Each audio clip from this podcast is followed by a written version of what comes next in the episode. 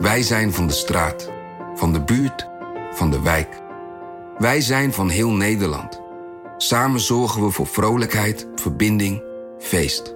Samen brengen we in één jaar tijd 349 miljoen euro bij elkaar. Miljoenen waarmee onze goede doelenpartners de wereld groener, gezonder en rechtvaardiger kunnen maken. Nationale Postcode Loterij. Samen voor een betere wereld.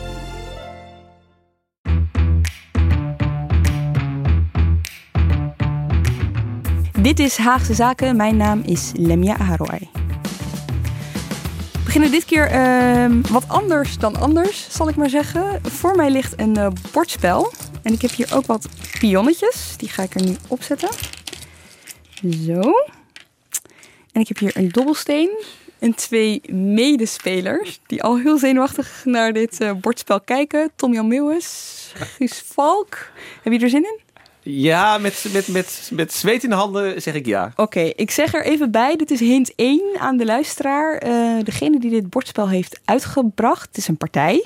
En die deed dat in 2005.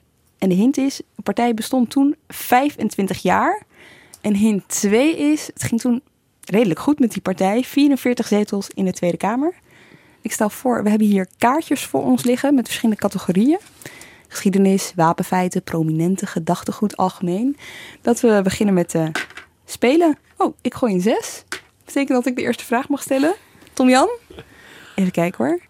Welk dossier deed Hiers Barlien de das om? De IRT-affaire. ja. Ja, dat was inderdaad de IRT. Dat was een inkoppertje hoor. Want dat, oh. de, de, de, ik was een van de auteurs van, die, de, van het stuk dat de basis legde onder die val. Dus ik wou zeggen, als je deze Serieus? niet wist dan... Oh, wacht even. Dit is voor mij die dus telt nieuw. eigenlijk niet. Oh. Oké, ik ga nu even iets toegeven aan de luisteraar. Eigenlijk had ik al een heel makkelijk kaartje gepakt. En toen moest ik een moeilijke kaartje van Tom Jan pakken. Dus hij wist niet, ik wist niet dat dit, uh, dat dit eraan zou komen. Dat heb je als je zelf geschiedenis schrijft. Dan kom Ja. je dus terug in bordspellen. Ah, geschiedenis schrijven. Ehm, en nu mag ik eh, wie een vraag stellen? Eh, stel mij maar een vraag. Oké. Ehm, wie was de CDA-lijsttrekker voor het Europees Parlement in 1979? Dit is niet de vraag waar het kruisje bij stond, Jan. Oh, ja, maar dat wist ik niet. Ik zeg echt niet. Sorry. Oké, deze Nu- doen we over. Ja, oké. Wat wordt bedoeld met de grondslagkwestie? Nou, het is grappig dat je het vraagt. dat weet ik toevallig.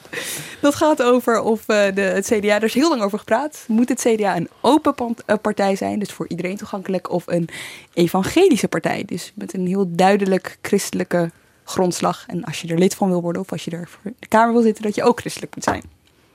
Helemaal goed. Klopt dit? Oké. Ja. Guus, van wie is de uitspraak als het niet kan zoals het moet, dan moet het maar zoals het kan? Ah, die is van... ehm, is die van Bert de Vries? Nee.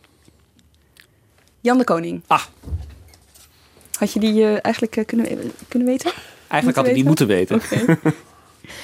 Oké, nou, ik denk dat het kwartje inmiddels wel is gevallen, want dit zijn geen hints meer. Dit zijn gewoon echt eh, duidelijke aanwijzingen. We gaan het natuurlijk hebben over het CDA.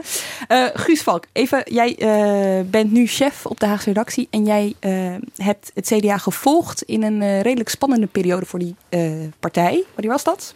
Ja, dat klopt. Dat was van 2005 tot 2008. Mhm. Eigenlijk een soort ehm, revival van de, van de CDA als, als oude machtspartij. Waarin zij het centrum van de macht vormden en ook echt domineerden in alle opzichten.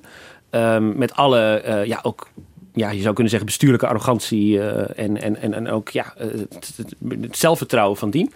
Ehm, eh, het was de tijd van de, de, de verdonktheid, de Hirsi Ali-tijd, maar toch ook vooral de Balken en de tijd. Ja, precies.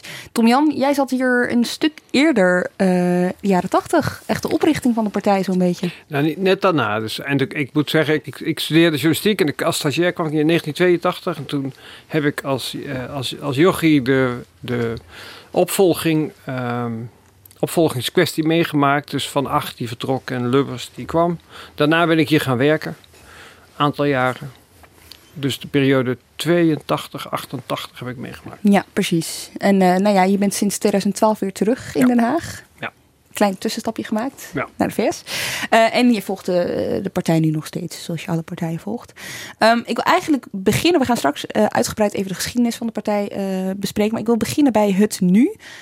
De dag dat wij deze podcast publiceren is ook het congres van het CDA. Nou, dat is van oudsher, sinds oudsher natuurlijk een plek waar leden elkaar spreken, waar ze politie spreken. Wij bespreken de partij hier nu al. En laten we meteen beginnen bij hoe het nu gaat met die partij. Want na de Tweede Kamerverkiezingen in 2017 19 zetels eh, voor het CDA. Wat natuurlijk ook klinkt als redelijk weinig hè, als je het hebt over 44 eh, nog in 2005. Ehm, maar in de peilingen doen ze het nu redelijk slecht. Eh, in eh, eh, de peilingwijzer, dat is die afgewogen gemiddelde van vijf verschillende peilingen, scoren ze tussen de 12 en de 14 zetels. En als je kijkt naar de trend, dan zie je eigenlijk sinds de gemeenteraadsverkiezingen echt een aflopende lijn. Hoe komt dat? En daarbij eh, aangemerkt ehm, dat, dat je niet die paniek erbij voelt die je wel voelde toen de PvdA naar 12 zetels ging. Inderdaad, ja, absoluut. Ehm, dat, dat, dat maakt het zo, eh, zo gek. Ze, ze zijn toch in staat om een zekere mate van rust eh, erover omheen te bewaren, alsof het allemaal niet uitmaakt. Maar als je tot je het laat doordringen, 12 zetels voor het CDA, hun, hun potentieel is natuurlijk eindeloos. Ehm, als, als, als middenpartij in de eerste plaats, als christendemocratische partij. Mhm. Stel je voor dat alle mensen die zich nog eh, affiliëren met een kerkgenootschap of met een. ehm, ja, in ieder geval nog iets voelen bij zeg maar, christelijke traditie. Als je die allemaal zeg maar, in je potentieel eh, eh, ziet, dan zou je toch op zijn minst eh, 35 zetels kunnen halen. Ehm, dat, dat, dat zou de bodem moeten zijn voor het CDA, maar ze zitten daar ver en ver onder. Ze zijn aan het regeren, Tom Jan. Is, dat gewoon, is dit gewoon een soort van eh, minpuntje van regeren? Nou ja, dat is het ook. Ehm, en ze hebben, eh, denk ik, een leider in de, in de figuur van Buma, die eh, uit onderzoeken is eerder gebleken, ik, zoals onderzoek van de VVD geweest, dat hij als, als premier het heel goed zou doen. Hij is voor de Nederlanders een heel geloofwaardige premier. Maar als lid van de Tweede Kamer is en als eh, lijsttrekker is hij geen overtuigende figuur geweest. In alle eerlijkheid, want ehm 2010 gaat Balken in de weg met een zeer teleurstellend resultaat van 21 zetels. Ja. 2012 neemt Buma het als lijsttrekker over, zakt naar 12. 2017 weet hij dat om te buigen. Na vijf jaar oppositie tegen een echt impopulair kabinet. Zeven zetels winst, dat presenteert hij als een uitstekende uitslag. Maar in alle redelijkheid slechter dan het, dan het moment van vertrek Ja. van Balkenende. Dus ja, hier, hier heeft het CDA wel een probleem. Ja. Ik, bij, bij het zien van die peilingen dacht ik ook wel bij mezelf. Je ziet het natuurlijk ook bij de andere eh, coalitiepartijen, behalve de ChristenUnie. eh, die houdt zich wonderbaarlijk stabiel. Eh, maar eh, D66 daalt in die peilingen, de VVD daalt in die peilingen. Ik bedoel, weet je, als we het relat- valt het te relativeren of is het gewoon echt wel een, iets waar ze bang voor moeten zijn bij Nou, het CDA? ik denk dat tot los van coalitie of niet coalitie is het natuurlijk ook een probleem van alle middenpartijen. Ja. En dat, dat, dat probleem strekt zich niet alleen, of dat is niet alleen een Nederlands probleem, het strekt zich uit tot, tot Hm. Europa, misschien wel ehm, de hele westerse wereld. Mhm. Dus dat is niet zeg maar, de schuld van Buma dat ze op 12 zetels in de peilingen staan alleen. Ehm, dat heeft ook te maken met een ontwikkeling waarbij middenpartijen hun glans verliezen voor kiezers. Eh, en de trouw aan partijen ook veel minder is, waardoor een enorme nivellering ontstaat. en er eh, talloze partijen op dit moment tussen de 9 en 19 zetels staan in, eh, in, in alle peilingen. En kijk maar naar hoe de Tweede Kamer er nu uitziet. Ehm, een heleboel partijen. Ik ben zelf meer dan tien jaar weg geweest. Ja. Dat was het eerste wat me opviel. Ja. Was die enorme stoet aan, eh, aan, eh, aan, aan mensen die, die aan het woord kwamen omdat ze gewoon bij een andere partij hoorden. Die nivellering eh, heeft natuurlijk het CDA ook heel veel kwaad gedaan. Vroeger stemde je nou eenmaal CDA omdat je nu eenmaal CDA stemde. Die trouw is verdwenen. Ja. Nou, laten we even naar vroeger, toen die trouw nog wel vanzelfsprekend was, eh, gaan. Ehm, laten we beginnen bij ja, het begin, het ontstaan van die partij. Velen hebben met spanning en verwachting uitgezien naar deze dag. De grote presentatie van het landelijk CDA in het eerste congres. Eensgezind was het een keuze te bekrachtigen en met ons uit te nodigen Dries van Acht lijsttrekker van het CDA te worden. Het definitieve besluit viel vandaag. Een enthousiast CDA-congres koos Van Acht als voerman bij de komende verkiezingen. Ja, dit was dus de eerste partijbijeenkomst van het CDA. Van Acht werd dus gekozen. Dit was 11 december 1976. Ehm, maar ja, als ik dan ga lezen, dan zie ik dat de ontstaansdatum van het CDA is 11 oktober 1980. Wat gebeurde er in de tussentijd? Ehm, eh, het CDA had, uh, had hele langdurig, jarenlang gesprek achter de rug. En dat eigenlijk was er een deel van de CDA. Daar waren drie partijen: de mm anti-revolutionaire ARP, de CHU, de Christelijke Historische en de KVP, de mhm. Katholieken. En ehm, eh, de Katholieken wilden heel graag een CDA vormen. En de Christelijke Historici die waren daar pragmatisch in, die vonden het prima.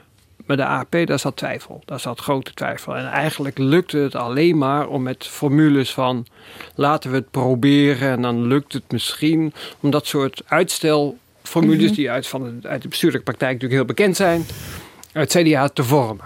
En het dan met, met uh, uitproberen vervolgens uh, voor elkaar te krijgen. En dat is gelukt. Vandaar dat ze in 75 uh, eh, zeggen we gaan het proberen en dan in 80 officieel worden opgericht, maar dan functioneren ze al als ja, partij. Ja, inderdaad. En ze doen, het, ze doen het redelijk goed meteen aan het begin. Ik zoek even de zetelaantallen erbij in de Tweede Kamer.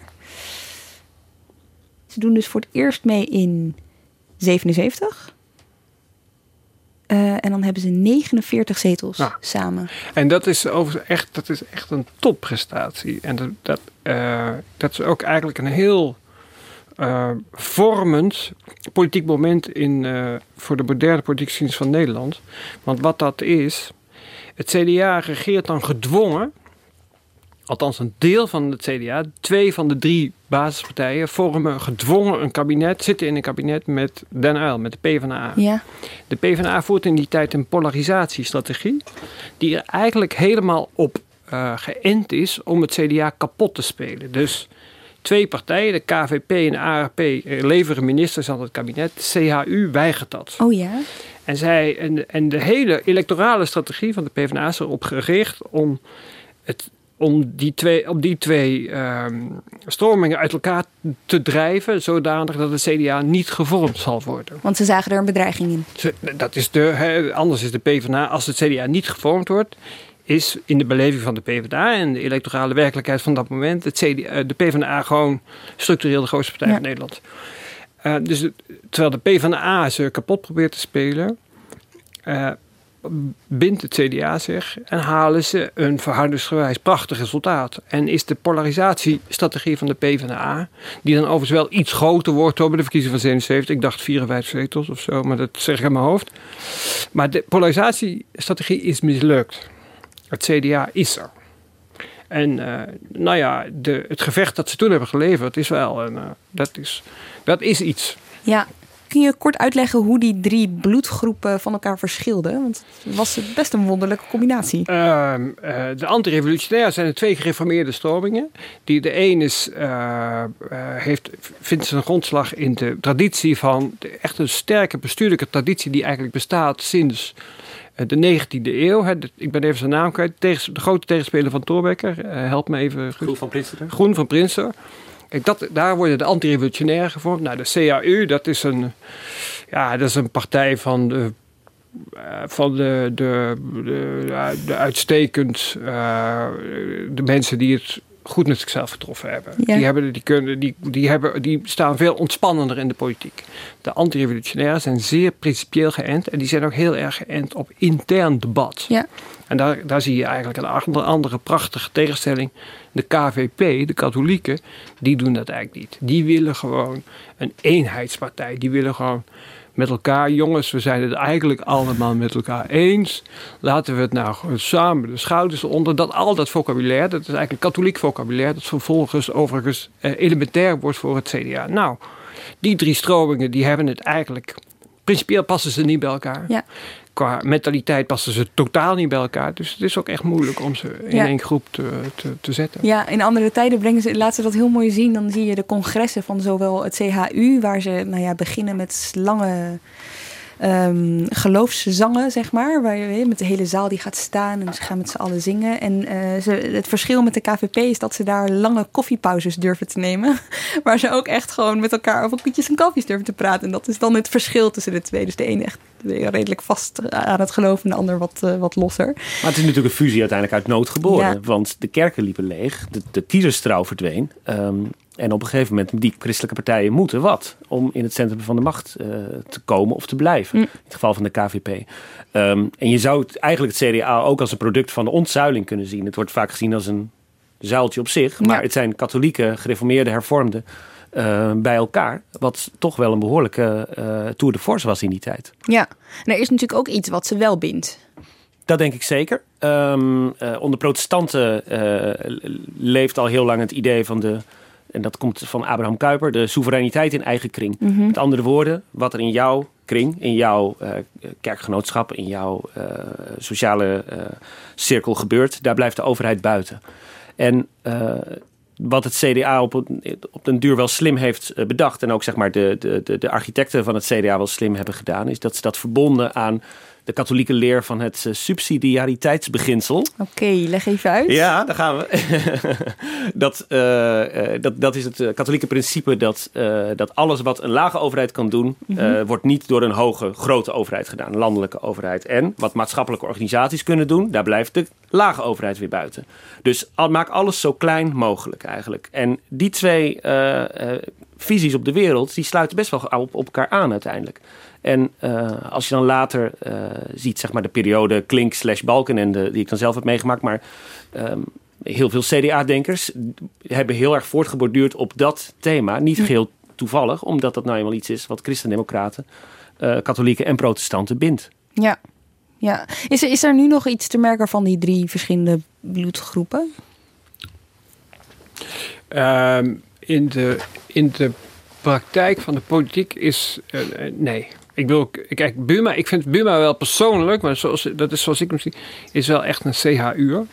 In, in, in gedrag en in zijn zoon van een burgemeester heeft een sterk. Heeft de uitstraling van de bestuurder. Heeft, hij heeft allerlei manieren uitgeprobeerd om dat een beetje af te veilen. Dus hij heet eigenlijk van Haasma Buma. Dat is Buma geworden, want dat klinkt niet zo. Uh, CH. Ja, dus die, dat, die, dat zit allemaal in. Maar kijk, um, ik zit eerlijk gezegd nu te gokken, maar ik voel. Nee, kijk, uh, uh, Hugo de Jonge is de zoon van een dominee. Um, Minister van Volksgezondheid. De, ja, vicepremier en eigenlijk ook de kandidaat opvolger van Buma, zoals die, dat, zoals die hier rondloopt. En, uh, maar ik zou eigenlijk, dus als je met hem een beetje praat, dan, voel je, dan leer je wel dat dat voor hem een, iets, iets van betekenis is. Maar als je gewoon naar zijn politieke uh, handelen kijkt, dan merk je eigenlijk, ja, ik zie er niks van. Mm -hmm. Nee, Jij? absoluut niet. Nee. nee, nee helemaal niet. Nee. nee. En het is, ook, het is ook deels stijl zo. We hebben natuurlijk deze week afscheid genomen van Piet Hein Donner ja. als um, uh, vicevoorzitter van de Raad van State. Uh, Mark Kranenburg schreef uh, mooi op in de krant hoe eigenlijk de laatste AR-man van het Binnenhof verdween. Ja. Um, de laatste echte antirevolutionair in denken en in doen. Um, die tijd is natuurlijk wel echt voorbij. En ook het, het ja, dat licht houterige vasthouden aan uh, protestant-katholiek, protestant-katholiek op, uh, op kandidatenlijsten. Uh, of in zeg maar partijhierarchie. Dat is natuurlijk ook wel echt verdwenen. Maar dat is niet zo heel raar als je bedenkt dat natuurlijk voor heel veel Nederlanders dat ook veel minder geldt. Eigenlijk is er nu een lichting of een, nu een generatie die is opgegroeid met het CDA en niet zozeer met de voorgangers van het CDA. Ja, maar er is in, er is in de ontwikkeling uh, wel iets interessants gebeurd. Kijk, de eerste CDA-leiders van Acht en Lubbers en de oprichter Steenkamp, die stem die je net uh, liet horen, uh, dat waren katholieken. Mm -hmm. En uh, vanaf uh, de hoop Scheffer komt dan nog even tussendoor in de jaren negentig. Dat is, ik dacht ook dat hij katholiek is, maar hier aarzel ik. En dan vanaf 2002... Ja, hij is, hij is katholiek. Ja. Uh, en dan vanaf 2002... Balken en, de, um, en Buma zijn niet katholieken. En dat creëert wel een andere electorale werkelijkheid voor het mm -hmm. CDA. Dus... Um, waar ze onder Lubbers en Van Acht de grootste, echt verreweg de grootste partij in het zuiden zijn, wat wel hè, in, in Zuid-Holland. Dat zijn wel de, de, grote electorale windgewesten van Nederland, dus mm -hmm. Zuid-Holland en Brabant. Um, verliezen ze dat eigenlijk. En worden ze een partij die relatief groot is in het noorden en in Drenthe. En uh, het zuiden, daar worden de VVD en de PVV groter dan het CDA. Ik, ik zeg het nu gemiddeld genomen, hè. Dus, daar wijken natuurlijk gemeenten ja. af. Het is natuurlijk heel hypothetisch, maar stel er hadden katholieken gezeten, dan had dat zomaar anders kunnen zijn. Of ja, is dat, dat kun je natuurlijk niet zeggen, Ja. maar ik, ik, ik denk wel dat er ook in, uh, in, uh, in, in, in benadering van politiek een, een verschil zit. Dus die, wat, ik, wat ik eerder noemde, die katholieken die waren veel meer op, op eenheid en consensus Ja. Dus dat is ook, dan heb je ook een andere bestuurlijke houding. Dus Buma is natuurlijk vrij, heeft een vrij principiële positie genomen als lijsttrekker, al- sorry, als fractievoorzitter de afgelopen jaren. Interessant was wel dat ook in de Balkan in de jaren vaak de katholieken de, de oppositiestem waren. Ik denk aan eh, Ger Koopmans of eh, Maxime Verhagen soms. Ehm, die konden soms wel degelijk, zeg maar, die een beetje opruiende rol spelen. Maar je bedoelt binnen het CDA? Ja, ja. ja. Ja. Maar ondertussen is er ook ontkerkelijking. Hè? Want we hebben het natuurlijk wel over een christelijke partij. We hebben het over katholiek of gereformeerd. Maar ja, de helft, meer dan de helft van Nederland eh, was de laatste het nieuws. eh, gelooft niet meer of zegt niet meer te geloven. Ik bedoel, dat lijkt me ook een rol spelen in, dit hele, in deze context. Ik denk dat er twee, zeg maar, soort van eh, vloeken op het CDA eh, liggen. De eer- eerste is inderdaad die ontkerkelijking. Waardoor ja, het CDA is natuurlijk altijd geënt op, eh, op maatschappelijke organisaties, kerken, eh, ehm, eh, christelijke verenigingen. Ehm, dat is altijd een belangrijke machtsfactor van het CDA geweest. Dat is aan het wegvallen. Dat verkruimelt. Dat geloof wordt ook steeds individueler beleefd. Dat is, dat is een ramp voor het CDA. Tweede is dat de christelijke kiezers die er nog wel zijn...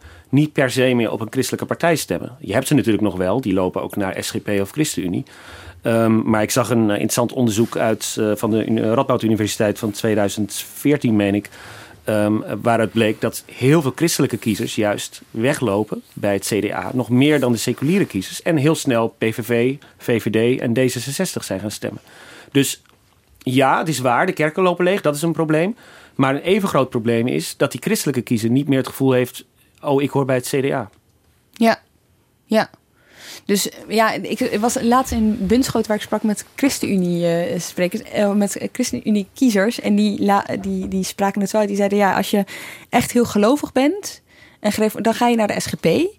En als je eh, voor de light versie wil gaan, dan ga je voor de ChristenUnie. En als je echt gewoon helemaal voor de light versie wil gaan, dan ga je voor het CDA. Met andere woorden, geloof is niet per se. Dus als je echt heel streng gelovig bent, dan is het inderdaad niet per se de partij om bij aan te kloppen. Ik denk dat Buma daar ook wel op inspeelt. Ja. Wanneer praat Buma nou over de kerk?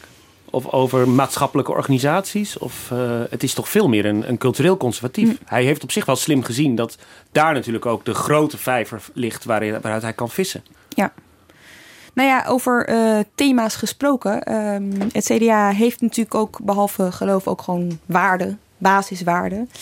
En ik kwam er tot mijn eh, grote verbazing en vreugde achter dat je op de website van het CDA een basiscursus waarde kan doen.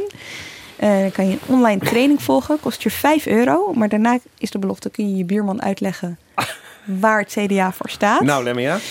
Ik, ik wil je even, wat het, het werkt als volgt. Je hebt dus die verschillende waarden. Dat is van solidariteit tot rentmeesterschap tot gespreide verantwoordelijkheid. Eh, publieke gerechtigheid is er ook één. En mens- en maatschappijbeeld, het beeld van het CDA. En eh, je hebt dus per onderwerp heb je een animatiefilmpje, heb je een pdf waar je in kunt lezen en een interview met iemand die dus in de praktijk brengt hè, wat zij vinden. Dat klinkt dan ongeveer zo. Wat is dat? Gespreide verantwoordelijkheid. Het spreiden van verantwoordelijkheid? Hmm.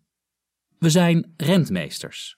De christendemocratie vindt het een politieke opdracht om mensen te laten voelen dat we met alle mensen verbonden zijn en van daaruit in staat zijn tot het tonen van compassie. Eh, ik heb hem gehaald, jongens. 80%. Dus wat dat betreft, ik heb een certificaat in handen eh, als CDA-expert. De enige gediplomeerde christendemocraat van de NRC-redactie. Maar eh, het mooie is dus wel in dit alles dat inderdaad, het is wat jij zegt, Guus, dat in al die animaties en die gesprekken geloof eigenlijk geen rol speelt. Zo goed als geen rol speelt. Dus de kerk wordt wel eens genoemd als, hè, eh, als, als plek waar mensen zich verzamelen. Zo, maar niet als in... eh nee, er is één interviewster die het heeft over... De, eh, God heeft ons de aarde gegeven. Maar voor de rest hoor je het niet terug als in... eh, nou ja, hoe zo'n cursus er waarschijnlijk bij de SGP uit zou zien bijvoorbeeld. Dus dat lijkt me inderdaad dat ze zich daar wel zelf echt op richten. Op een bredere groep. Ja, dat heeft natuurlijk altijd wel een beetje bij het CDA gehoord. Ik denk dat, eh, dat het onder Lubbers niet heel anders was, bijvoorbeeld. Ehm, ik heb die tijd niet bewust meegemaakt, maar eh, dat, dat, dat neem ik zo aan. Ehm, maar ik denk dat er deels ook wel een, eh, een, eh, tactische overweging achter zit. Ze, ze zijn natuurlijk uiteindelijk ook geen christelijke partij. Het, christ, het, het geloof is, is, is hun eh, richtsnoer, stond Ja. geloof ik in hun, eh, in hun eh, oprichtings... eh, eh, verklaring. Maar het is uiteindelijk niet wat hen. eh, zij willen geen christendom in de samenleving pompen. Ja. Ja, ja. Hey, ehm, we gaan naar eh, 1994 en ik pak eh, een kaartje voor me, want ze liggen hier gewoon nog voor me van het spel dat we nog steeds aan het spelen zijn. Waarom, eh Tom Jan, kan 1994 als rampjaar gezien worden? Oh, dat is de nederlaag van Elko Brinkman. Die ik dacht uit mijn hoofd van 54 naar 32 zetels had. Ja, hoe kwam dat? Wie speelde daar Dat is, rol de, dat is eh, het einde van Lubbers eigenlijk.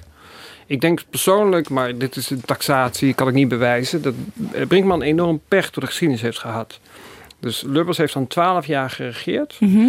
In, twee soorten kabinetten. Twee met de VVD en één, dus zijn laatste, Lubbers 3, is met de PvdA. Met Mhm. Wim Kok op financiën. Mhm. En eh, dan onder Lubbers maakte de, het, CD, het, het electoraat van het CDA een ontwikkeling. Eh, traditioneel is het het midden. Is het een, een electoraat dat zich als, als, als kiezer van het midden ziet. En onder Lubbers wordt de CDA-kiezer eh, iemand die zichzelf als rechts definieert. En dat regeren van Lubbers met de PvdA dwingt de partij naar links. En dat ligt niet goed, dat ligt niet lekker Mhm. bij eh, de CDA-kiezer. Dus die trekt naar rechts. Ehm, en het gevolg daarvan, daar maakt Brinkman over zijn, en het CDA een paar fouten in de campagne die cruciaal zijn. Daar, daar stap ik allemaal even overheen. Het effect is uiteindelijk dat eh, de PvdA die leidt aan het regeren bij het CDA, want die, de kiezer van het, de PvdA vindt het CDA te rechts. Oh, ja. Eh, dus allebei zitten ze in een nederlaag. En dan is de, het lullige voor Brinkman en het gelukkige voor Kok...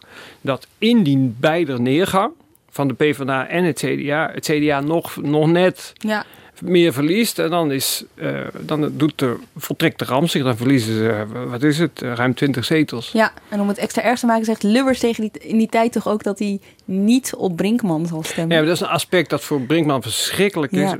Lubbers is, is in zijn laatste maanden... daar is een geweldig boek over geschreven... door de onderzoeksjournalist Marcel Metsen. Die is volstrekt de weg kwijt. Die doet de ene na de andere totaal onverdedigbare eh, handeling. En die schrijft rare brieven aan de koningin. Dat gaat heel ver allemaal hoor. Eh, in ieder geval, kijk, voor Brinkman is het bijna onmogelijk om die partij een beetje fatsoenlijk te Ja. leiden. En uiteindelijk is dat gewoon de grote kladderadatje voor het CDA. Ja, nederlaag en ze belanden dus in de oppositie. Ja. Voor het eerst? Voor het eerst sinds de invoering van het algemeen kiesrecht in 1917. Ja, Ja, en dat eh, is eh, oefenen. ja dat is oefenen. En dat, en dat blijkt ze ook niet te kunnen. Want dan wordt eh, de vader van de huidige fractiesecretaris van het CDA... de huidige fractiesecretaris van het CDA is Pieter Heerma. Zijn vader, die heet Eneas Heerma... Die is staatssecretaris van Volksgezondheid geweest in, in, het, in de Lubbers 3. Die wordt fractievoorzitter. Dat is een man uit de AR-bloedgroep. Ja, En dat is een, dat is een, oud, eh, dat is een relatief linkse CDA. Is wethouder geweest in Amsterdam. En die, die moet dan oppositie gaan voeren. Een van zijn medewerkers is overigens Sibrand Buma. oh ja? Ja. En, Die en, gaat ver terug. ja, en, de, eh, en die Buma, of sorry, en die Heerma, die man is eigenlijk gewoon te redelijk, maar ook een beetje te links. Om echt gewoon gestaalde oppositie te kunnen voeren. Dus dat wordt, dat voor het CDA een soort onmogelijkheid. En uh, enfin, dat dus drama na drama eigenlijk. Ja. Een van de, daarna, nou ja, de drama's volgen elkaar op. Jaap de Hoop Scheffer komt er op een gegeven moment eh, terecht hè, als, eh, als fractievoorzitter. Ja. En dan eh, ontstaat er een intern politiek relletje. Want er is een eh, partijvoorzitter, Marnix van Rij, Guus. En die had eh, stevige kritiek op de Hoop Scheffer. Weet je nog hoe dat ging? Hij, Mar Marnix van Rij zag eh, dat eh, het CDA met Jaap de Hoop Scheffer verloren was. Ja. En dacht er is maar één die het CDA kan redden. Dat is Marnix van Rij. Heel bescheiden. Dus eh, hij wierp zichzelf op als, eh, als, als nieuwe leider van het CDA. Dacht ook dat hij met zijn eh, veronderstelde charisma eh, eh, dat ook ja, luid applaus van de partij zou krijgen. Ehm, en dat leidde tot een, ja, een, een, een, totale broedertwist in, in het CDA. En binnen een, een, een, vloek en een zucht was het beklonken en waren beide heren van het podium. En toen uh, werd Van Rij dus niet, Scheffer werd het niet. En het werd uiteindelijk een andere man die ook mijn generatie goed kent. Het partijbestuur moet uitmaken wie de nieuwe lijsttrekker en dus de nieuwe CDA-leider wordt. Mag ik u zoeken naar de ruimte te gaan uh, voor de pers? Vanavond kwam het partijbestuur bijeen. En ik ben buitengewoon verheugd dat het partijbestuur unaniem heeft besloten mij voor te dragen als lijsttrekker voor het CDA. Meneer Balkeinde, gisteren, gisteren nog financieel woordvoerder van het CDA, vandaag fractievoorzitter en ook lijsttrekker. Hoe voelt dat? Het is een heel bijzonder gevoel waar ik enorm blij mee ben. Ik heb vandaag unaniem vertrouwen gekregen van uh, het hele partijbestuur. En dat is een vertrouwensfoto met het begin van het herstel uh, van het vertrouwen in het CDA. Hij kwam dus niet helemaal uit de lucht vallen, hè? want hij was al financieel woordvoerder. Ja, en hij was uh, vice-fractievoorzitter ook volgens mij. Dus hij was wel degelijk. Uh, hij werd Balkeneinde genoemd, hoorde ik door, uh, door Wouter van Scherburg. Meen ja. Maar hij was onbekend. maar binnen het CDA was hij dat helemaal niet. Um, het was een invloedrijke figuur. En um, wat ook wel later is gebleken uit, uit wat, wat, ja, wat we hoorden uit de kringen van Balkenende. Ik begon toen zelf in die jaren op de Haagse redactie ja. hier te werken. was dat hij ook wel een, een soort lange mars naar de macht voor zich zag. En dat hij niet de toevallige passant was die zomaar op, dat, op die troon werd gezet. Hm. Maar dat hij wel degelijk ook een soort lange termijn visie had. En al heel erg lang het CDA wilde hervormen. Um, met hemzelf aan het roer. Ja, wat we daarbij even moeten noemen zijn de Schlemmer-bijeenkomsten. Het Slemmerberaad, ja, dat, ja. Uh, dat dateert uit de jaren negentig. Uit, uit die, uh, die ongelukkige CDA-jaren. Er was toen een groepje jonge CDA'ers. Dat kwam samen in Slemmer. Dat is uh, een café-restaurant hier in Den Haag. Vijf minuten loopafstand van Heel dichtbij. Ja. Uh, en uh, in dat groepje zaten nou, Jan-Peter Balkenende. Ook bijvoorbeeld Ab Klink. later een belangrijke partijideoloog. Maar ook mensen als Yvonne Timmerman-Buk. Lans Bovenberg. Sylvester Eifinger, als ik het goed heb. Ja, René um, Smit. De havenwethouder toen. De havenwethouder. Een, een, een, hechte groep. Die elkaar ook is blijven bellen. Altijd. Um, die elkaar ook is blijven steunen in elkaars politieke carrière. En in die groep is ontstaan wat je zou kunnen noemen een soort uh, herijking van uh, wat is christendemocratie. Meestal begonnen we daar in dat uh, gedeelte en met wat borrelen. En de laatste zaken wat doorspreken. En nou ja, daarna een half uurtje, drie kwartier gingen we hier aan tafel. En gebruikten we gezamenlijk de dis. En stond er meestal een uh, onderwerp op het programma, een inleider. En dan werd er fors op uh, losgediscussieerd. En waar ging het dan zoal over? Ja, over de hele wereld eigenlijk. Uh, we hadden natuurlijk de potentie dat we alle wereldproblemen hier in dit zaaltje konden gaan oplossen. Wij bespraken vooral economische onderwerpen. De uh, hele herziening van de sociale zekerheid, de WHO in die periode. De ziektewet, of het al niet geprivatiseerd moest worden. Dat waren thema's die daar met name aan de orde kwamen. Wat vaak aan de orde kwam, was de rol van het gezin. Uh, we waren ervan overtuigd dat uh, het gezin heel belangrijk is voor onze samenleving... maar dat we dat wel op een moderne manier moesten gaan inkleden. Dus het gezinsbeleid was, kwam vaak ter sprake... en in het verlengde daarvan ook het belang van uh, normen en waarden. En toen besloot een van die, nou laten we ze maar gewoon slemmers noemen... om naar, tussen aanhalingstekens, de overkant te gaan. Op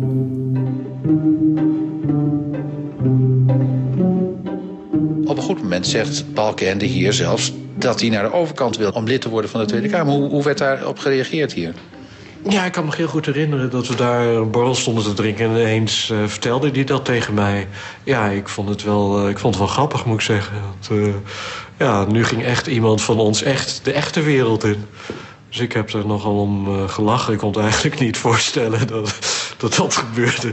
Dus uh, ja, ik vond het wel grappig. Ja, het gebeurde wel. Economische hervorming hoorden we net, het gezin. Uh, waren dat ook de onderwerpen waar uh, Balkenende zich echt op ging focussen? Ja, net werd even door, ik geloof door Klink in dit fragment privatisering genoemd. Dat mm -hmm. is ook een belangrijk aspect geweest altijd van waar deze groep veel over praten. Um, dat is ook heel erg teruggekomen in het denken van het CDA. Met name ook door de figuur van Ab Klink, die later directeur werd van het Wetenschappelijk Instituut. Uh, zeg maar de denktank voor het CDA. Ja. Uh, later werd hij nog weer minister van uh, Volksgezondheid. Maar juist als partijideoloog heeft hij samen met Balkenende heel erg altijd gevochten voor een kleine overheid, privatisering. Um, alles wat maatschappelijke organisaties kunnen doen, daar blijft de overheid buiten. Ehm, en dat hebben ze vaak op een, eh, die kritiek hoorde je ook wel vaak in die tijd, op een, bijna op een liberale manier hebben ze eh, gekeken naar de rol van de overheid.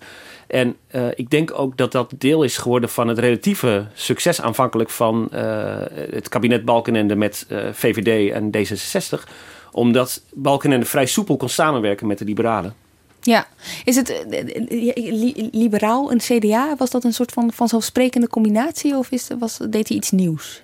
Nou ja, het gebeurde in de jaren tachtig natuurlijk ook. Op zich is het niet gek dat CDA en VVD bij elkaar komen. Er zit natuurlijk wel een heel groot verschil tussen. Want een liberaal gelooft in het individu. Precies. En een christendemocraat gelooft niet in, de individu, in het individu. Want de mens is natuurlijk uh, tot al het kwade geneigd. Die gelooft in maatschappelijke organisaties. En in uh, de civil society, zoals het heet. Ja, dus was, dat, was het een punt dat het CDA zich hier ineens mee op deze manier mee ging... Uh... Nou, intern wel. Intern leefde dat enorm, ja. Er werd ook gezegd van het CDA is, is aan het verrechtsen, het wordt harder. Het, uh, het, uh, waar, is, uh, waar, ja, waar, is het, waar zijn de uitgangspunten uit de jaren negentig, toen het rapport Nieuwe Wegen Vaste Waarden verscheen, waarin het, het, CDA zich veel meer profileerde als een gezinspartij met mededogen mm -hmm. voor de zwakkeren. Um, die discussies leefden toen natuurlijk wel heel erg. maar dat heeft Balkenende natuurlijk wel enorm geholpen. Hij is jarenlang aan de macht geweest. En uh, mede hierdoor. Ik denk juist toen hij ging regeren met de uh, Sociaaldemocraten, Balkenende 4. Uh, had hij het veel moeilijker. Toen zat hij in een veel moeilijkere positie. Hij kon niet goed met, uh, met Wouter Bos overweg, maar kon ook ideologisch niet met de ja. Sociaaldemocraten overweg. En toen gebeurde er dus ook niks meer. Is, Tom Jan, is dit, sinds, is dit altijd al zo geweest dat, een, dat het samenwerken met de VVD eigenlijk gewoon makkelijker is voor. Nou, kijk, als je heel, heel ver terug gaat tot na, tot na de oorlog. Dan, laten we zo ver terug gaan. Nou ja, kijk, het is, wel, het is wel interessant om te zien, want dan, dan de kabinetten Drees, dat zijn eigenlijk altijd samen, bijna altijd samenwerkingen tussen christendemocratische partijen en de PvdA. En uh, wat, wat ik, waar we het eerder over hadden, dat kijk, de, het, het CDA-electoraat ver, verrechtst onder Lubbers met de VVD. En dat de, in, onder Balken is hier eigenlijk de continuering daarvan. En je ziet ook het probleem uh, als gevolg daarvan ook onder Balkenende 4, als er weer een samenwerking met de PvdA is. Want Lubbers 3 is een samenwerking met de PvdA, leidt tot een dramatisch verlies voor het mm -hmm. CDA.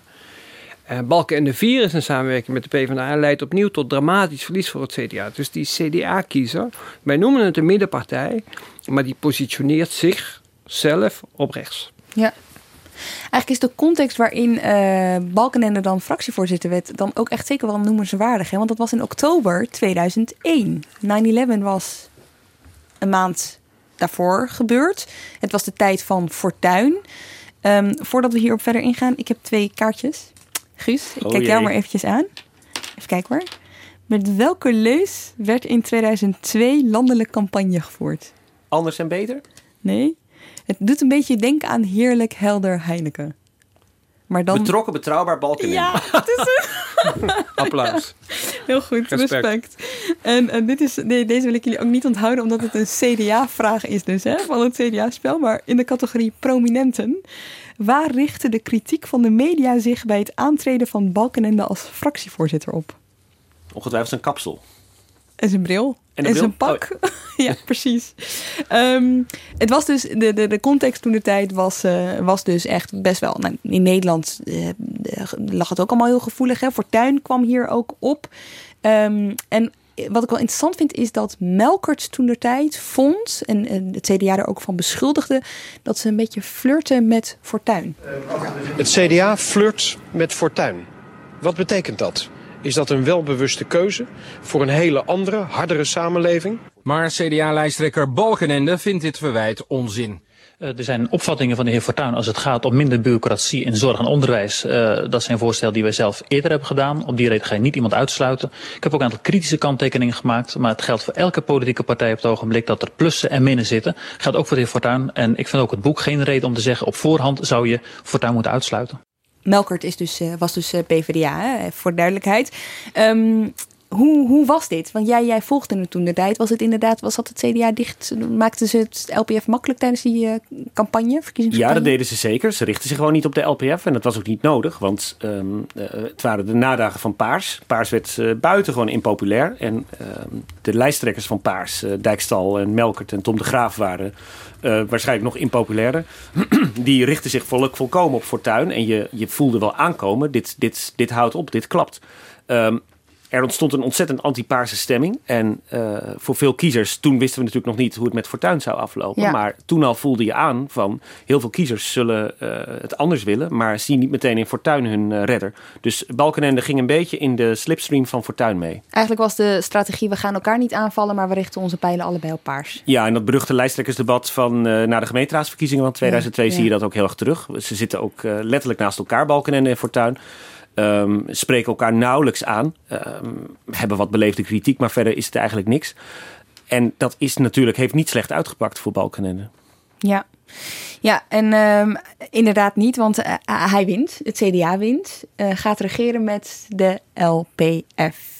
Dat moet een heerlijke tijd zijn geweest om hier als journalist te werken. Er gebeurde elke dag wat. Ja, dat was echt zo. Het, uh, je, je, voelde aankomen dat het fout ging. We wisten niet precies hoe het fout ging. Maar er was elke dag iets met een, met een, een Kamerlid dat uittrad. Een kaakslag. Een, uh, um, uh, ik, ik, ik, herinner me de, de, de, na het overlijden van Prins Klaus. dat, dat ze elkaar sms'jes aan het sturen waren. en en elkaar voor rotte vis uitmaakten. Het was, het was echt elke dag kermis. Ja. En je had geen Twitter, hè? dus je moest alles bewaren voor de klant. dat lijkt me ook, uh, ja, inderdaad. Maar mijn uh, favoriete detail die tijd uh, is dat Eduard Bomhoff, die was de voorzitter, was vicepremier en die leidde het LPF bewindspersonenoverleg.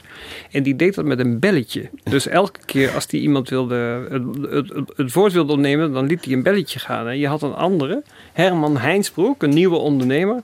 En die ergerde zich kapot aan dat belletje. Dus we hebben in die tijd hele interviews afgenomen over het belletje van Bomhoff. Those were the days, ja. Oh ja, briljant. Ze hield het ook niet heel lang vol, hè? Hoe was het? 80 dagen?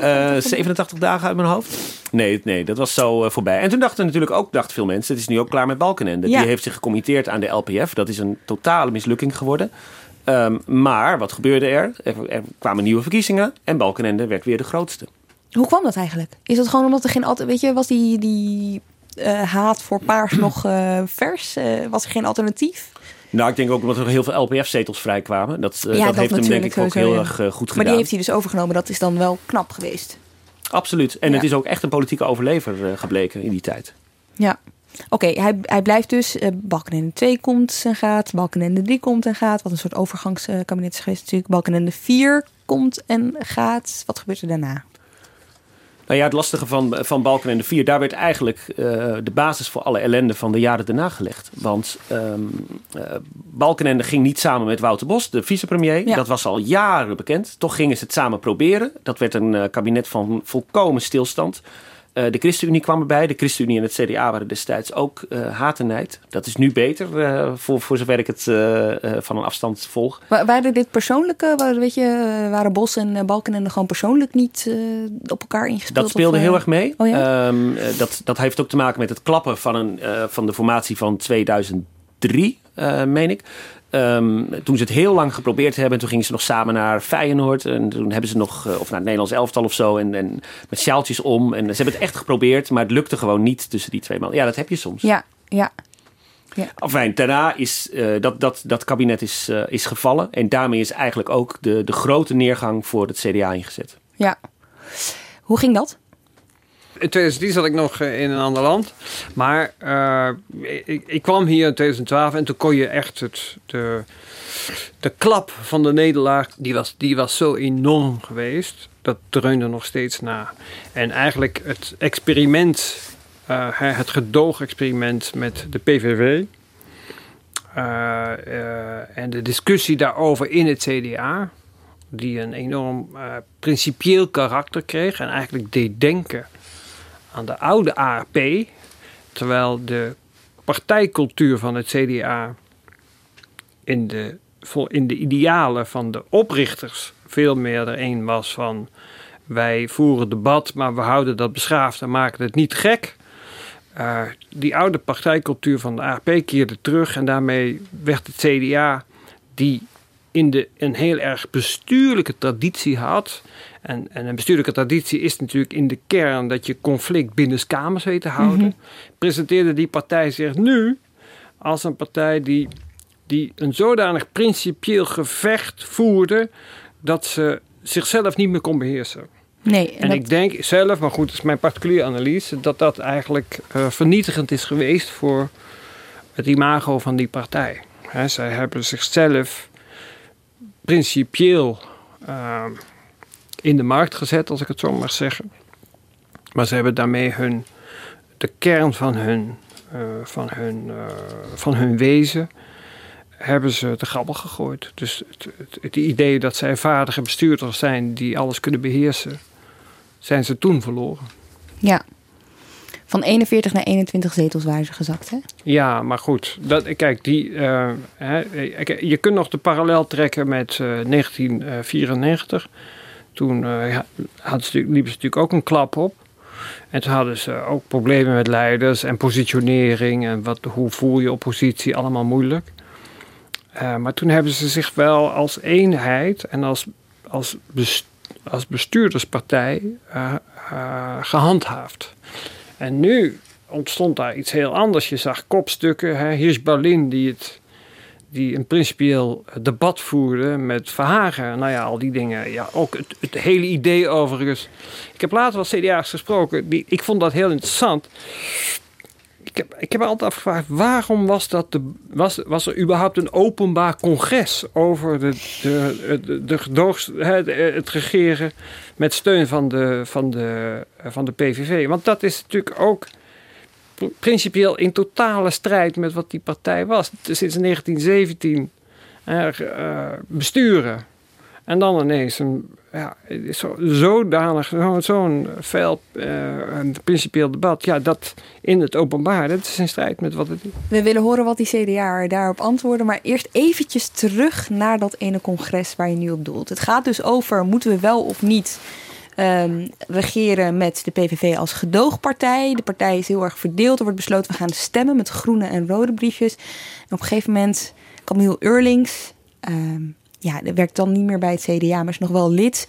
Loopt naar de microfoon toe en spreekt de, op dat moment fractievoorzitter toe. En dat is Maxime Verhagen. Maxime, jij hebt hier uit je hart gesproken.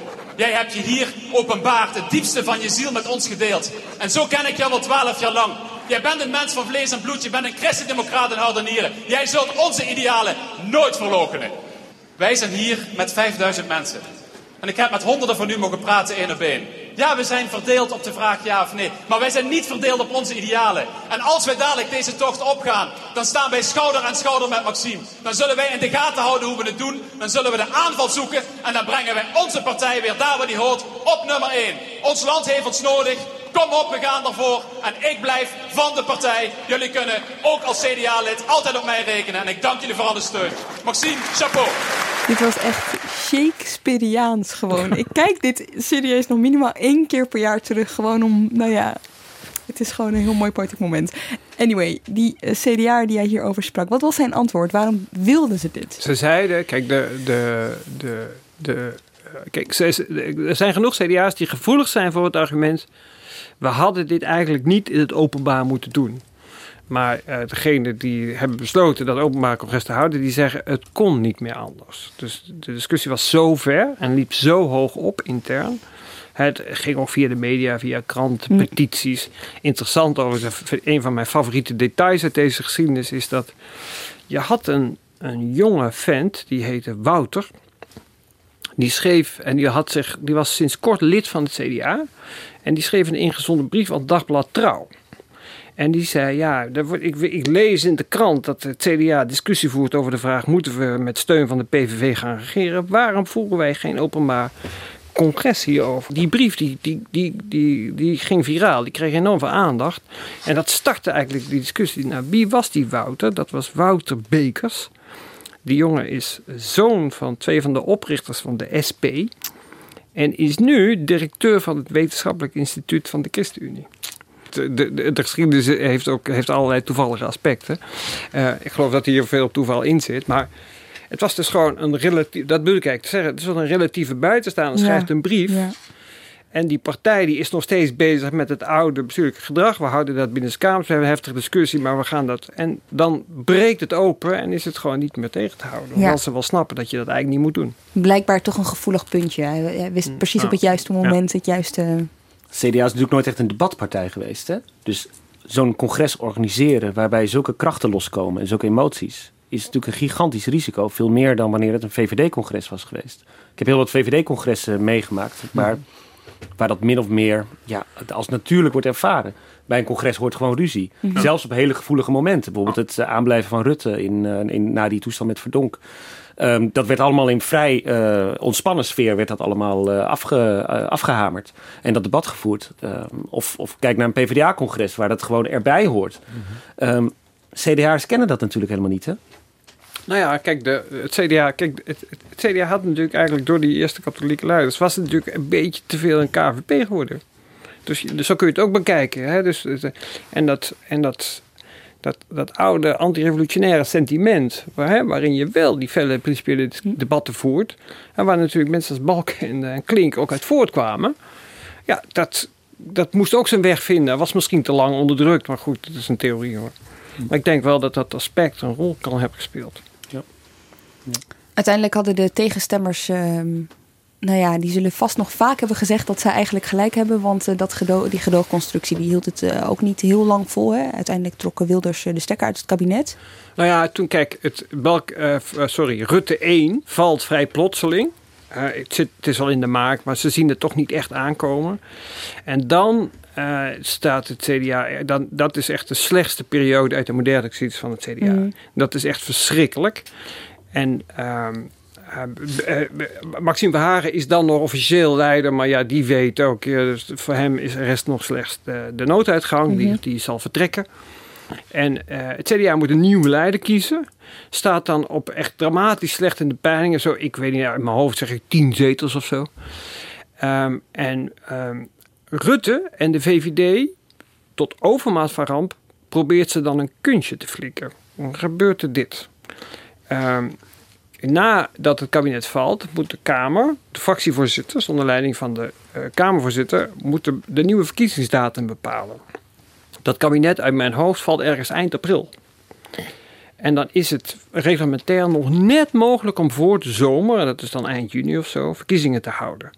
Voor het CDA, dat geen leider heeft en dramatisch in de peilingen staat, is dat een soort gevoel van: eh, kunnen wij überhaupt overleven? Ja. Hè? Eh, je moet je daarbij voorstellen dat al het, alle mensen met aanzien, dus al die ministers, die, gaan, die zijn allemaal weg. Die gaan allemaal weg. Dus die Buma is, die is daar ook een beetje alleen. Nou, Wat on- doet in- hij in die tijd? Waar, waar, eh, Buma is dan fractievoorzitter, Ja, ja. maar ja, on- als regeringspartij. Hè, dus dat is. En, ehm, en, en wat gebeurt er dan? Dan komen die fractievoorzitters bij elkaar en dan zegt de VVD samen met de PvdA: Nou, het land staat, is er niet best aan toe, dus wij vinden wel dat er snel verkiezingen moeten worden gehouden in juni. En Buma voelt zich dan echt, die voelt zich echt enorm verneukt door Rutte. Die denkt echt van, wat maak ik hiermee? En dan zie je eigenlijk ook de, de, de, de ontstaansgeschiedenis van het gedrag dat Buma onder Rutte 2, het kabinet dan uite- uiteindelijk volgt op die verkiezingen, Rutte 2 heeft, PvdA, VVD. Eh, Buma die, weet, die denkt dan vanaf dat moment, Rutte, die moet ik op afstand houden. En dat zie je eigenlijk nog steeds in zekere zin terug in de, in de huidige politieke verhoudingen. De, twee, zowel Rutte als Buma, die, zij weer spreken die feiten die ze zeggen dat ze het allemaal hebben bijgelegd en zo. En oké, dat nemen we natuurlijk voor waar aan. Maar soms meen ik toch nog steeds te zien dat dit een rol blijft spelen. Oh ja? Ja, ja, ik denk eigenlijk dat, persoonlijk denk ik dat, ehm, dat heeft niet alleen met dat incident of met dat moment te maken, maar ook met, kijk, Buma en Rutte zijn echt zulke uiteenlopende figuren. De, de, de kwikzilverachtige flexibiliteit van Rutte aan de ene kant en de, de, de traditionele inhoudelijkheid, het conservatisme dat er bij Buma in zit. Aan de andere kant, die twee, dat is echt heel moeilijk te matchen. Maar de, maar de basis daarvan, want dit, dit, ja, dit hoort natuurlijk al wel langer dat die twee elkaar. Je leest het ook dat die twee elkaar niet. Maar de basis daarvan ligt dus eigenlijk bij dat kunstje dat Rutte Buma flikte in. Ja, ik denk, ik zeg, kijk, ik denk dat ze nooit, ik vermoed dat ze nooit heel goed bij elkaar zijn geweest, maar het, het werkt allemaal. Dus Ja, ze werken samen en zo. En dat is natuurlijk, het, ja, let's face it, het is natuurlijk ook een heel inzichtelijk moment. Het CDA heeft een enorm risico genomen in die coalitie, maakt Rutte daarmee premier. Die partij die leidt, die leidt, die leidt. En dan komt ze op het diepste dieptepunt en dan laat Rutte ze vallen. Ja, het is ook wel inzichtelijk natuurlijk. Ja. Goed, Buma, ehm, Buma bleef. Zit er nog steeds, kunnen we wel zeggen. Maak even een sprongetje naar eh, het heden. Ehm, waar heeft hij het CDA gebracht als we kijken naar gedachtegoed? Hè? Want er wordt nog wel eens gezegd dat het CDA schuift naar rechts op hè, in, qua gedachtegoed. Is dat, vinden jullie dat ook? Ja, dat vind ik wel. Ehm, gewoon ook al in prioriteiten eigenlijk. Dus uh, uh, waar, waar profileert Buma zich in? Hoe laat hij zijn partij uh, opereren? Waar, welke onderwerpen vindt hij belangrijk, welke niet? Um, er zijn veel traditionele onderwerpen waar je hem eigenlijk niet of nauwelijks over hoort. En wat je heel erg bij hem ziet, is dat hij omarmt wat je ja, een soort cultureel conservatief sentiment zou kunnen noemen.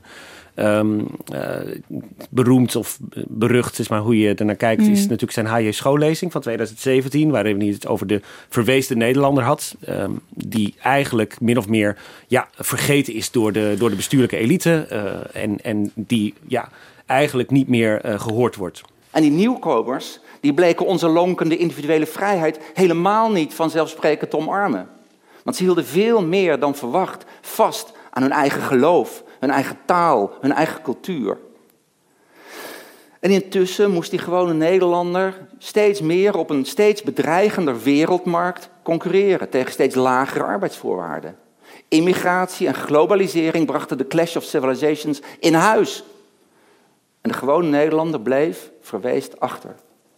Alsof die elite er met hun eigen vrijheid en gelijkheid vandoor ging en ze overdroeg aan die nieuwkomers. All animals are equal, but some animals are more equal than others. Zo voelde dat voor die gewone Nederlanders in die gewone wijken in Nederland. Is het klassiek CDA-gedachtegoed?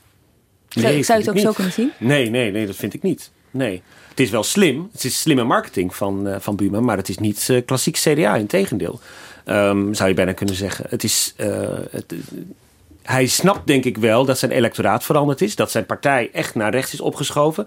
Eigenlijk sinds misschien de tweede helft van, uh, van, de, van de Balkenende tijd... Is, is, is ook de achterban van die, van die partij echt veranderd.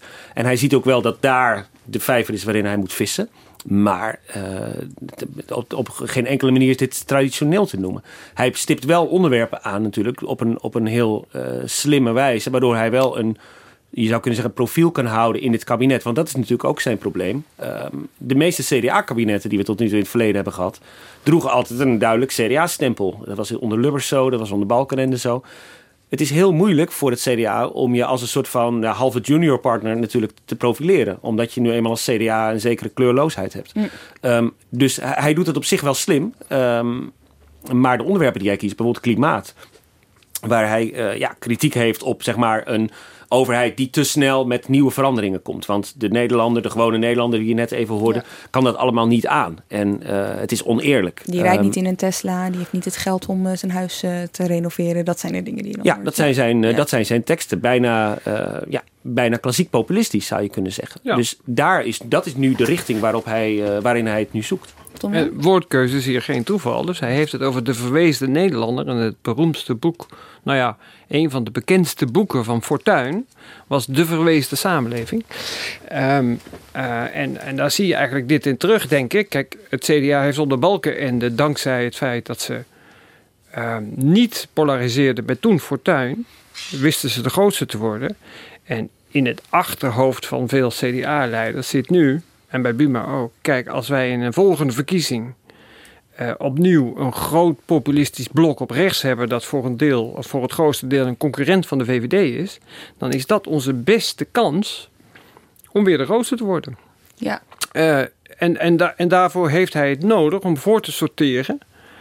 Uh, op deze manier en om, om, uh, om niet te polariseren met de populist, maar uh, de woordkeus en het gedrag, de houding over te nemen die de populist populair maakt. Ehm, wat dat betreft is de formatie voor hem vorig jaar heel dubbelzinnig afgelopen. Buma heeft op één punt echt een enorm gevoelig gevoelige nederlaag geleden. En, en, dat is dit. Cenk Willink, wat wel een van de slimste informateurs is die in de, in de Nederlandse stal beschikbaar is, die heeft ervoor gezorgd dat zowel Rutte als Buma tijdens de formatie een brief schreven waarin ze eh, in harde bewoordingen zeiden... nou, met die Wilders gaan wij nooit meer regeren. Nou, dat, ik, ik herstel mezelf nu. Ze zeggen niet, we gaan nooit meer regeren... maar ze kiezen een zodanig... Uh, harder, ze hebben een zodanig harde woordkeus dat het in de praktijk onmogelijk is ooit nog met iemand te regeren. Hij is, uh, um, en dat, dat is eigenlijk toch een voor, uh, voor, voor de ambitie van Buma hele ongemakkelijke positie. Want het CDA in zijn eigen analyse moet in het, in het cultureel conservatieve electorale kwadrant terechtkomen. Daar zit, daar zit de electorale kans van het CDA. En uh, om in dat kwadrant geloofwaardig te zijn, moet je de PVV of Baudet niet uitsluiten, maar moet je eigenlijk voor een deel dezelfde taal spreken en suggereren dat je partners bent. En zo drijf je langzaam maar zeker wel weg vanuit dat midden. Ja, maar dat is dus toch een hele stabiele trend, nogmaals sinds Lubbers. Hè. Dus sinds Lubbers wordt het electoraat rechtser, verdwijnt het uit het midden. En uh, dat continueert zich, continueert zich. En, dat, dat, dat, en nu is het gewoon de voornaamste concurrent van de VVD. Ja. Had, had het CDA zich dit uh, 25 jaar geleden kunnen veroorloven? Had de kiezer dat gepikt? 25 jaar geleden, even denken, dat is 1993. Oh ja, nou ja, ik bedoel meer. Uh, ik bedoel gewoon meer ergens tientallen jaren geleden kunnen veroorloven. In de, in de, in de jaren 70, begin van de jaren 80, concurreert het CDA als grootste partij met de P van de A. PvdA staan links. En dan is het CDA als middenpartij. Wij buigen niet naar links, wij buigen niet naar rechts. Dan is middenpartij echt een merk. En wat Guus eerder zei, eigenlijk is gewoon, het is het voor alle politieke partijen bijna onaantrekkelijk geworden om middenpartij te zijn. En dus zoeken zij een flank op. Nou, dan is rechts de, de meest natuurlijke flank voor ze. En uh, tegelijkertijd is dat, is dat inderdaad een lastige positie nu voor het CDA. Alleen, alleen Buma zegt wel altijd, ja, ik regeer niet meer met Wilders. Hij zegt, en hij maakt er een persoonlijk iets van. Ja. Hè? Ik ben ja. bedrogen door Wilders, right. niet door de PVV. Dus hij laat in die zin de deur nog wel een beetje op een kier. Als de ja. PVV ooit nog eens zonder Wilders verder gaat, is er niks meer aan de hand. Ja, en uh, voor Hugo de Jonge, dat is op zich nog wel interessant. Je noemde hem net al als een van de kroonprinsen, uh, Tom Jan uh, van het CDA. die gaf afgelopen zomer een interview met de EO al aan dat hij er in principe... Nou ja, hij, hij, zei het, hij zei het een beetje omvloers, dus luister maar even zelf hoe, hoe hij het zegt. Toen dus lid geworden van het CDA um, en uh, gebleven zonder uh, wroeging. Altijd, ook toen ze gingen regeren met de PVV, toen liep die partij natuurlijk helemaal in tweeën. Ja. Waar stond jij toen? Ik heb voorgestemd. Ik was voor de samenwerking okay. met de PVV. Zo, oké. Okay. Omdat ik vind dat als je uh, zo'n grote groep mensen op de PVV heeft gestemd... daarvan kun je dan niet zeggen op dat moment, daar wil ik niet mee samenwerken. Nee. Gewoon democratisch. Ik vind het, ook, weet je, het enkele feit dat je het oneens bent met elkaar. Hè? Als dat al een reden is om met elkaar niks te maken te willen hebben... dat vind ik een slecht signaal naar de samenleving. Maar dan sluit je de PVV voor in de toekomst ook niet uit. Nou ja, kijk, we hebben dat geprobeerd. En, ja, nee, dat is niet goed afgelopen. dat is zeker niet goed afgelopen. Nee. Als jij ooit de baat zou worden het, bij het CDA... wat niemand weet of dat gaat gebeuren... dan is het niet op voorhand uitgesloten dat de samenwerking gezocht wordt met de PVV... of met de SP, is... met de flanken. Ik vind dat, het, dat je in het begin zo altijd moet willen samenwerken. Ja, precies. Dat is helder. Ja, dit is echt geen gesloten deur natuurlijk. Nee. Dit, is ook, ik denk eerlijk gezegd, maar goed. Ik, volgens mij is het echt een hele bewuste correctie op de positie uh, die, die Buma gedwongen heeft ingenomen. Dus nogmaals, kijk, in de, er is een keer een hele interessante bijeenkomst van de coalitie geweest. Waarin ze op basis van een stuk dat uh, Kool Mees, de minister van Sociale Zaken, en Pieter Heerma, de secretaris van de CDA-fractie hebben, heeft de coalitie bij elkaar gezeten, de top. En die hebben met elkaar besproken uh, per partij wat is onze, waar moeten wij ons electoraal op richten. Dus met als ideaal dat je alle, alle uh, uh, grote electorale groepen in Nederland een coalitie bereikt. En, en in, de, in dat gesprek daarover is het CDA in het cultureel conservatieve kwadrant terechtgekomen met instemming van de anderen. Dus oké, okay, jullie moeten dat verdeeld. Nou ja, dat is niet feitelijk zo, maar daar, daar, zo, zo evolueerde dat gesprek. Oh, ja. En uh, het CDA voelt zich daar, Buma voelt zich daar voortreffelijk in thuis, maar iemand als Pieter Herma ook. En ook, kijk, grote voorbeelden. Dus uh, CSU in, in Duitsland, waar het overigens niet geweldig mee gaat op dit moment, maar toch. Die hebben hè, het format van uh, laptop en lederhozen uh, ontwikkeld. Hè, dus uh, conservatief, behoudend, maar tegelijkertijd met een moderne touch. Ja. En dat is wat ze zoeken. Ja. En eh, Buma zit er nu nog. Ziet er ook niet, weet je, speelt, speelt er een soort van eh, leiderschapsvraag überhaupt bij het CDA?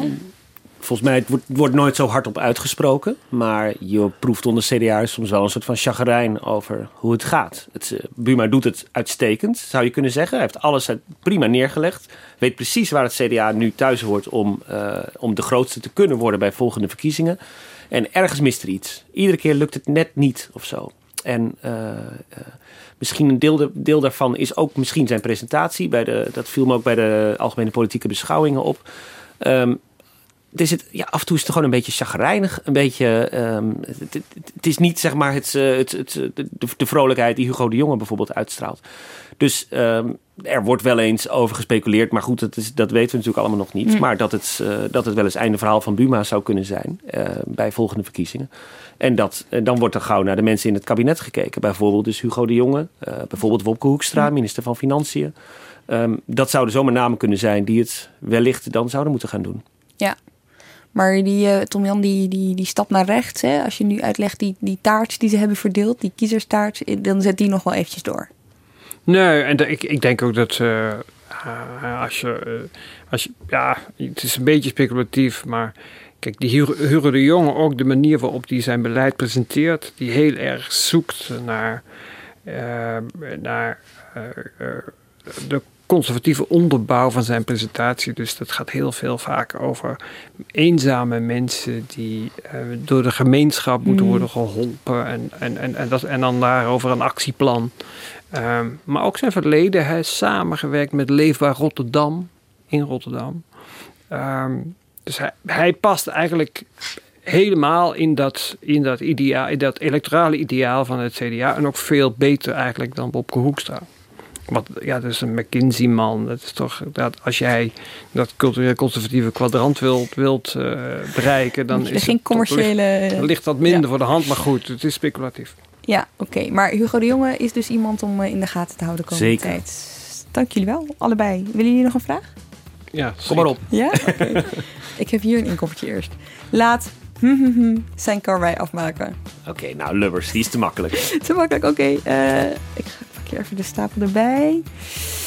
Welke affaire noem- noemde René van der Linden een wagen met vierkante wielen? De paspoortaffaire. Heel goed. Is het CDA tegen het ontstaan van brede scholen, Guus? Tegen het ontstaan van brede scholen? Eh, nee, daar zijn ze niet tegen. Ja, heel goed. Het biedt de mogelijkheid om in te spelen over de veranderende zaak. Ik heb een idee. Oké, als je luistert en je bent de eerste die het goede antwoord mailt op deze vraag uit de categorie gedachtegoed. En de vraag luidt: hoe heet het CDA-partijstandpunt over het Midden-Oosten-conflict? Dat standpunt heeft dus een naam. Mailen naar podcast.nrc.nl. Ik beloof je, dit spel is van jou als je het goede antwoord als eerste mailt. Ja? Oké, dank jullie wel. Tom-Jan Meijers en eh Guus Valk. Eh, dank ook voor het luisteren. Volgende week zijn we er natuurlijk gewoon mm, weer. En eh, wil je ons laten weten hoe je deze uitzending vond? Heb je een eh, vraag die je altijd al beantwoord hebt willen hebben door onze Haagse redactie? Mail, eh, ik noem het adres net al eventjes, podcast.nrc.nl. Tot volgende week.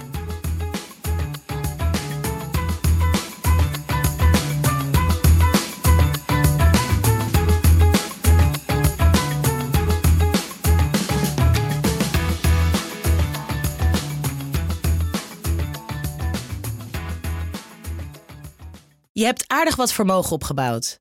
En daar zit je dan, met je ton op de bank. Wel een beetje saai, hè? Wil jij, als belegger, onderdeel zijn van het verleden of van de toekomst?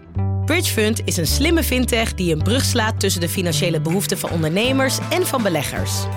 Dus wie belegt bij Bridgefund krijgt niet alleen een mooie vaste rente, maar brengt ook ondernemers in beweging. Echt waar, met die ton kan je zoveel betere dingen doen. Bridgefund. Make money smile.